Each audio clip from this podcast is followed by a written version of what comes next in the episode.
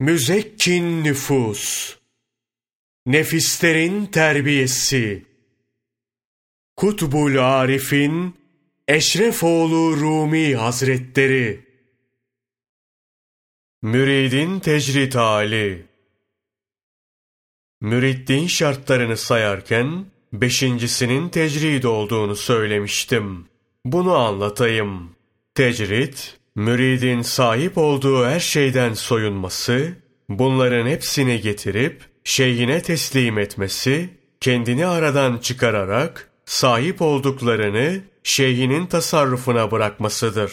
Zira müritlik, malı mülkü terk edip bütün tehlikelere göğüs germektir. Tecrit hali şudur. Akçe para pul, koyun sığır, deve, köle hizmetçi, yer su ateş, kar, bağ bahçe, giyecek, tahıl zahire, hatta giyilen elbiseden bile vazgeçmek bunların hepsinden olmaktır. Şeyhin, müridin mülkünde tasarrufta bulunmasına kalben dahi itiraz etmemek gerekir. Mürid şeyhinin huzurunda ne olur şu iş şöyle olsaydı şeklinde bir arzuyu kalbinden geçirmemeli. Bu dahi şeyhle mürid arasına büyük bir perdenin girmesine sebep olur. Zira böyle bir şeyi içinden geçirmek, şeyhin tasarrufuna güvenmemek ve onu beğenmemek manasına gelir. Tecrit hususunda üç tarzdan bahsedilebilir. Bir kısım meşayi halktan alır ama kimseye bir pul dahi vermez. Bir kısmı halktan aldığını halka dağıtır, onlara yedirip içirir. Bir kısmı da ne halktan alır ne de ona verir. Bu üç tarzda hak ve sahipleri de hak üzredir. Üçü de inkar edilemez. Her üç meşayih de hakkın buyruğu üzere davranır. Alıp almadıklarına, verip vermediklerine bakmamak lazımdır. Müridin gayesi, iradesini sağlam tutup nasibini almak olmalıdır. Çünkü müridin nasibi Hak Teâlâ tarafından şeyhine emanet edilmiştir. Şeyhe filan oğlu filana müritliğin beş şartını yerine getirdiğinde nasibini ver denilmiştir. Şeyhle mürid arasındaki beş şart yerine getirilmeden şeyh müridine nasibini verirse bu Cenab-ı Hak tarafından geri alınır. İrade tamam olmasına rağmen şeyh müridine nasibini vermediğinde şeyh hain olur. Hak eden müridin nasibinin verilmemesi kesinlikle olmaz. Müridin şartları yerine getirip iradesini ne zaman tamamlayacağı Hak Teâlâ tarafından şeyhe bildirilir. Şu yılda, şu günde, şu saatte filan oğlu filana emaneti verilsin denir.'' Şeyh vakti gelince hakkın buyruğu üzerine müride emaneti teslim eder. Dolayısıyla müride düşen hizmette bulunmak, niçin ve neden diye sormamaktır. Mürit şeyhine Allah'ın emaneti olduğu gibi şeyhin hizmeti de müride Hak Teâlâ tarafından ısmarlanmıştır. Allah ondan razı olsun. İmam Cafer-i Sadık Hazretlerinin bağ ve bahçesine bakan müridi gelip, Sultanım bana himmet buyur der. İmam Cafer, hanımın dul kalıp, çocukların yetim olmadan, yatağın it yatağı gibi kurumadan ve evin harap olmadan maksadına erişemezsin der. Mürit gerçekten sadıkmış. Şeyhinin emirlerini tek tek yerine getirir, böylelikle nasibini alır.'' Nasibine ulaştıktan sonra dağıttıklarının hepsine yeniden sahip olur. Hanımını ve çocuklarını zarar görmemiş halde bulur. Hazreti Musa aleyhisselam 17 yıl boyunca Şuayb peygamber aleyhisselama gönlünün rızasıyla iradet eder, ona hizmet eder. Doğruca koyunlarını güder, çobanlık yapar.'' Öylece kapısında peygamberliğe ulaşır. Şuayb peygamber aleyhisselam da kızını onunla evlendirip kendisini Mısır'a gönderir. Musa aleyhisselam Mısır'a gidip Firavun'la mücadeleye girişir. Durum böyle olduğuna göre kişi şeyhine hakkıyla hizmet eden müritlerden olunca nasibini alır. Hizmet edene hizmet edilir. Kulluk eden yüce makamlara çıkar. Hak yoluna giren hakiki müride, şeyhinin dünyayı terk ettirip, onun sıkıntılarından soymasının sebebi vardır. Birinci sebep, sırtlarındaki ağır yükü indirmek suretiyle onları sarp yolda yüksüz halde yürütmektir. Böylelikle onları kolaylıkla maksatlarına ulaştırmak. Zira Resul-i Ekrem sallallahu aleyhi ve sellem şöyle buyurur. Yükleri hafif olan kurtuldu. Yükleri ağır olansa helak oldu. Hak Teâlâ'da Enfal suresi 28. ayeti kerimede şöyle buyurmaktadır. Biliniz ki mallarınız ve çocuklarınız birer imtihan sebebidir ve büyük mükafat Allah'ın katındadır. Diğer bir ayeti kerimede ise şöyle buyrulur. Ey iman edenler! Eşlerinizden ve çocuklarınızdan size düşman olanlar da vardır. Onlardan sakının. Ama affeder, kusurlarını başlarına kakmaz, kusurlarını örterseniz bilin ki Allah çok bağışlayan, çok esirgeyendir. Yukarıdaki sözlerden Hakka talip olup meşayihe mürid olanların evlenmeleri uygun değildir manasını çıkarabilir miyiz? Doğru. Ergin olana evlenmek, evli olana da bekar olmak uygun düşmez. Kimi şeyhler, evli olan müridin, çocukları yoksa, hanımını serbest bırakması daha uygundur demiş, kimileri de Allah birdir, bir olanı sever demişlerdir. Allah ondan razı olsun. Usame bin Zeyd, Resulullah sallallahu aleyhi ve sellem'den şu hadisi şerifi rivayet eder. Benden sonra erkeklere en büyük fitne olarak kadınlardan başka bir şey bırakmadım. Allah ona rahmet etsin. Şeyh Süleyman Darani şöyle der. Maaş isteyen, evlenen veya hadis-i şerif yazıcılığına soyunan, dünyaya meylettiğini bilsin. Allah ona rahmet etsin. Ebu Süleyman da şöyle der. Evlilik öncesi halini koruyan, evli arkadaşımız olmadı. Allah ona rahmet etsin. Şeyh Sühre verdiyse şöyle der. Talibin haline ve vaktine en uygun olan, eş ve evlatlardan soyutlanmaktır. Zira bu durum, gönlü ve maksadı birleştirmeye sebep olur.'' Talip, bakmakla yükümlü olduğu kimse kalmayacağından geçimini kolaylaştırır. Yolun başında talibin dünyadan ilgi ve alakasını kesmesi, hakka giden yolda engellerden uzaklaşması daha uygundur. Bu sebeple mürit sefere çıkmalı, gönlünü karıştıracak düşüncelere düşman olmalı, eş dost ve tanıdıkları terk edip, gönlüne icap olacak her şeyden kopmalıdır. Bil ki evlenmek azimettendir. Allah'ın emirleri dairesinde ve izin verdiği bir şeydir. Aynı zamanda tasa ve mihnete düşmeye sebeptir. Bir nevi heva ve hevese yönelmektir. Yaratılış ve adet üzere yaşamakla kalmadır. Kişi çoluk çocuğum olsun diye evlenmeye niyetlendiğinde, Peygamber Efendimiz sallallahu aleyhi ve sellemin şu hadis-i şerifine dikkat kesilsin. Vefatımın 200. yılından sonra en hayırlınız yükü hafif olan kimsedir. Bunu duyan sahabe, yükü hafif olan kimdir ya Resulallah diye sorar. Evlat ve iyali az olan kimsedir cevabını alırlar.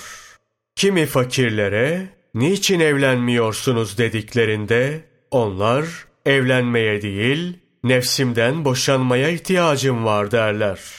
Allah ona rahmet etsin. Bişri Hafiye, insanlar seni ayıplıyor derler. Niçin diye sorar. Bişri Hafi, Resulullah sallallahu aleyhi ve sellemin evlilik sünnetini terk ediyor derler. Bişri Hafi, beni ayıplayanlara söyleyin der. Bişri Hafi, henüz farzlarla meşgul, sünnet nerede kaldı? Beni bir hatunla evlendirseler, korkarım onun nafakası için köprü ve yollar kesmek zorunda kalırım. Bu yüzden nasıl evleneyim? Demek ki sadık müride ve aşık talibe dünyadan soyutlanmak gerekirmiş. Müridin, şeyhinin önünde dünyadan soyunması, nesi varsa bırakması ashabın sünnetindendir. Ashabta Resulullah sallallahu aleyhi ve sellemin huzurunda iman edip biat ettiklerinde tevbenin şükrü olarak neleri varsa ortaya koymuşlar. Hazreti Peygamber sallallahu aleyhi ve sellem de ortaya konulan bu malları masraflar için kullanmıştır. Böyle hareket edenlerden biri Allah ondan razı olsun Hazreti Ebu Bekir'di. Allah ondan razı olsun. Hazreti Ebu Bekir, Peygamber Efendimiz sallallahu aleyhi ve selleme 80 bin dinar getirip bırakır. Evinde ne varsa. Allah ondan razı olsun. Ebu Derda Hazretlerinin Resulullah sallallahu aleyhi ve sellemin yanında dünyayı nasıl terk ettiği de meşhurdur. Azizler şöyle der. Şeyhin huzurunda müridin dünyadan vazgeçmesi öyle olmalı ki, şeyhin oturduğu evin duvarlarındaki kerpiçlerden biri altın, diğeri gümüş, kapısının bir kanadı altından, diğeri gümüşten olsa, müridin elindeki sadece bir akçe dahi olsa, bunu şeyhinin sahip olduğunun üzerine bırakmalı, kendisi bunu kullanmamalıdır. Şeyhin, mürid üzerindeki hakkı o kadar çoktur ki, mürid, yukarıda anlatıldığı gibi, şeyhinin huzurunda sahip olduğu her şeyden tecrid olmalı, sıyrılmalıdır. Zira şeyhten müride giden nimet çoktur. Kendim fakirken şeyhe niçin vereyim demek olmaz. Vermek gerekir. Bu konuda söylenecek şey çoktur. Bunları söylemenin hikmeti vardır ve bunlar ehline açıklanır. Sözümüz şudur. Mürit neye sahipse hepsini şeyhe getirip teslim etmeli. Kendisini aradan çıkarmalıdır. Zira azizler, mürit, mal ve mülkü terk eden, bütün tehlikelere göğüs gerendir der. Şeyhin, müridin malını kabul etmediği bir durumda olabilir. Bu durumda ne yapmak gerekir? Mürit bu malını fakirlere veya yakın akrabalarına verip kendisine bırakmamalıdır. Elbette dünyayı terk etmek şarttır. Zira dünyadan ele tek çekmek bütün ibadetlerin başıdır. Hakkı talep eden kişinin yolu dünya ve ahiretten öte bir yoldur. Bu yoldan gidenler iki cihanı da terk eder. Böyle olduğu için ahiret ehline ahiretin talibi, dünya ehline dünyanın talibi, Hak Teâlâ'yı talep edene ise ehlullah denmiştir. Allah Celle Celaluhu'ya talip olan kimsenin iki cihanı da terk etmesi gerekir. Resulullah sallallahu aleyhi ve sellem şöyle buyurur. Dünyayı isteyene ahiret, ahireti isteyene dünya haramdır. Allah'ı isteyene ise hem dünya hem de ahiret haramdır. Evet, bu hadis-i şerife göre talibin dünyayı terk etmesi lazımdır. Ey aziz kişi! Dünyayı terk edene sonunda velayet makamlarından biri nasip olur. Zamanın bir vaktinde Hazreti İsa aleyhisselam Cenabı Hakk'a Ya ilahi seni görüp sana vasıl olayım diye niyazda bulunur. Cenabı Hak beni görmek istiyorsan aç kal. Bana ulaşmak istersen her şeyi bırakıp yalnız başına kal buyurur. Bu uğurda dünyayı terk edip her şeyden soyunulmasaydı, Hak Teâlâ peygamberine beni istiyorsan her şeyden soyun, tecrid ol buyurmazdı. Zahiren tecrid olunduktan sonra batıni olarak da soyutlanmak gerekir. Müridin batıni tecride varması, iki cihanın hayır ve şerrinden kesilip zikrullah'a bağlanmasıyla mümkündür. Bu da edep, telkin, tevbe, teveccüh ve müritliğin bütün şartlarını yerine getirmekle gerçekleşebilir. Gönlü iki cihanın saadet ve şekavetinden arınmayan müritte, batıni tecridin asıl olması düşünülemez. Acem azizleri, ey zahit, kişi önündeki engelleri aşmaz ve dünyayla bağlarını koparmazsa, Allah'a layık bir secde yapmayacağını iyi bilmeli der. Bir de, ey kişi, sen gönlünü iki cihandan da uzaklaştırmaya çalış. Bunu başardığında, Ruhul Kudüs, cemalini seyre koşar demişlerdir. Evet, talip gönlünü, iki cihanın saadetini arzulamaktan arındırmazsa, Allah'ın cemalini müşahede edemez. Kitabın başlarında anlatılmıştı. Meşayihten birine, Allah'a giden yolu bulmak nasıl mümkün olur? Bu yol yakın mıdır, uzak mıdır diye sorarlar. Bu yol yakındır. Hem de iki adım şeklinde cevap verir. Nasıl olur bu derler. Şöyle der. Bir adımda dünya ve dünyayla ilgili arzular, ikinci adımda da ahiret ve ahirette ilgili beklentiler terk edildi mi, Cenab-ı Hakk'a vasıl olunur. Dünya ve dünyaya dair arzulardan vazgeçmek zahiri, ahiret ve ahirette ilgili beklentilere girmemekse batıni tecrittir. Ey aziz! Tecritle ilgili bilgileri okudun. Bunları öğrendin. Şeyhin huzurunda her şeyden sıyrılıp her şeyini bıraktıktan sonra sakın minnet eylemeyesin. Allah ona rahmet etsin. İbrahim bin Ethem Hazretleri gibi hazinelerini, memleket ve sultanlığını bıraktığında bile ben bunları terk ettim deme. Bu aklına gelmesin. Şunu da düşün. Hak yolunda verdiklerin senin midir?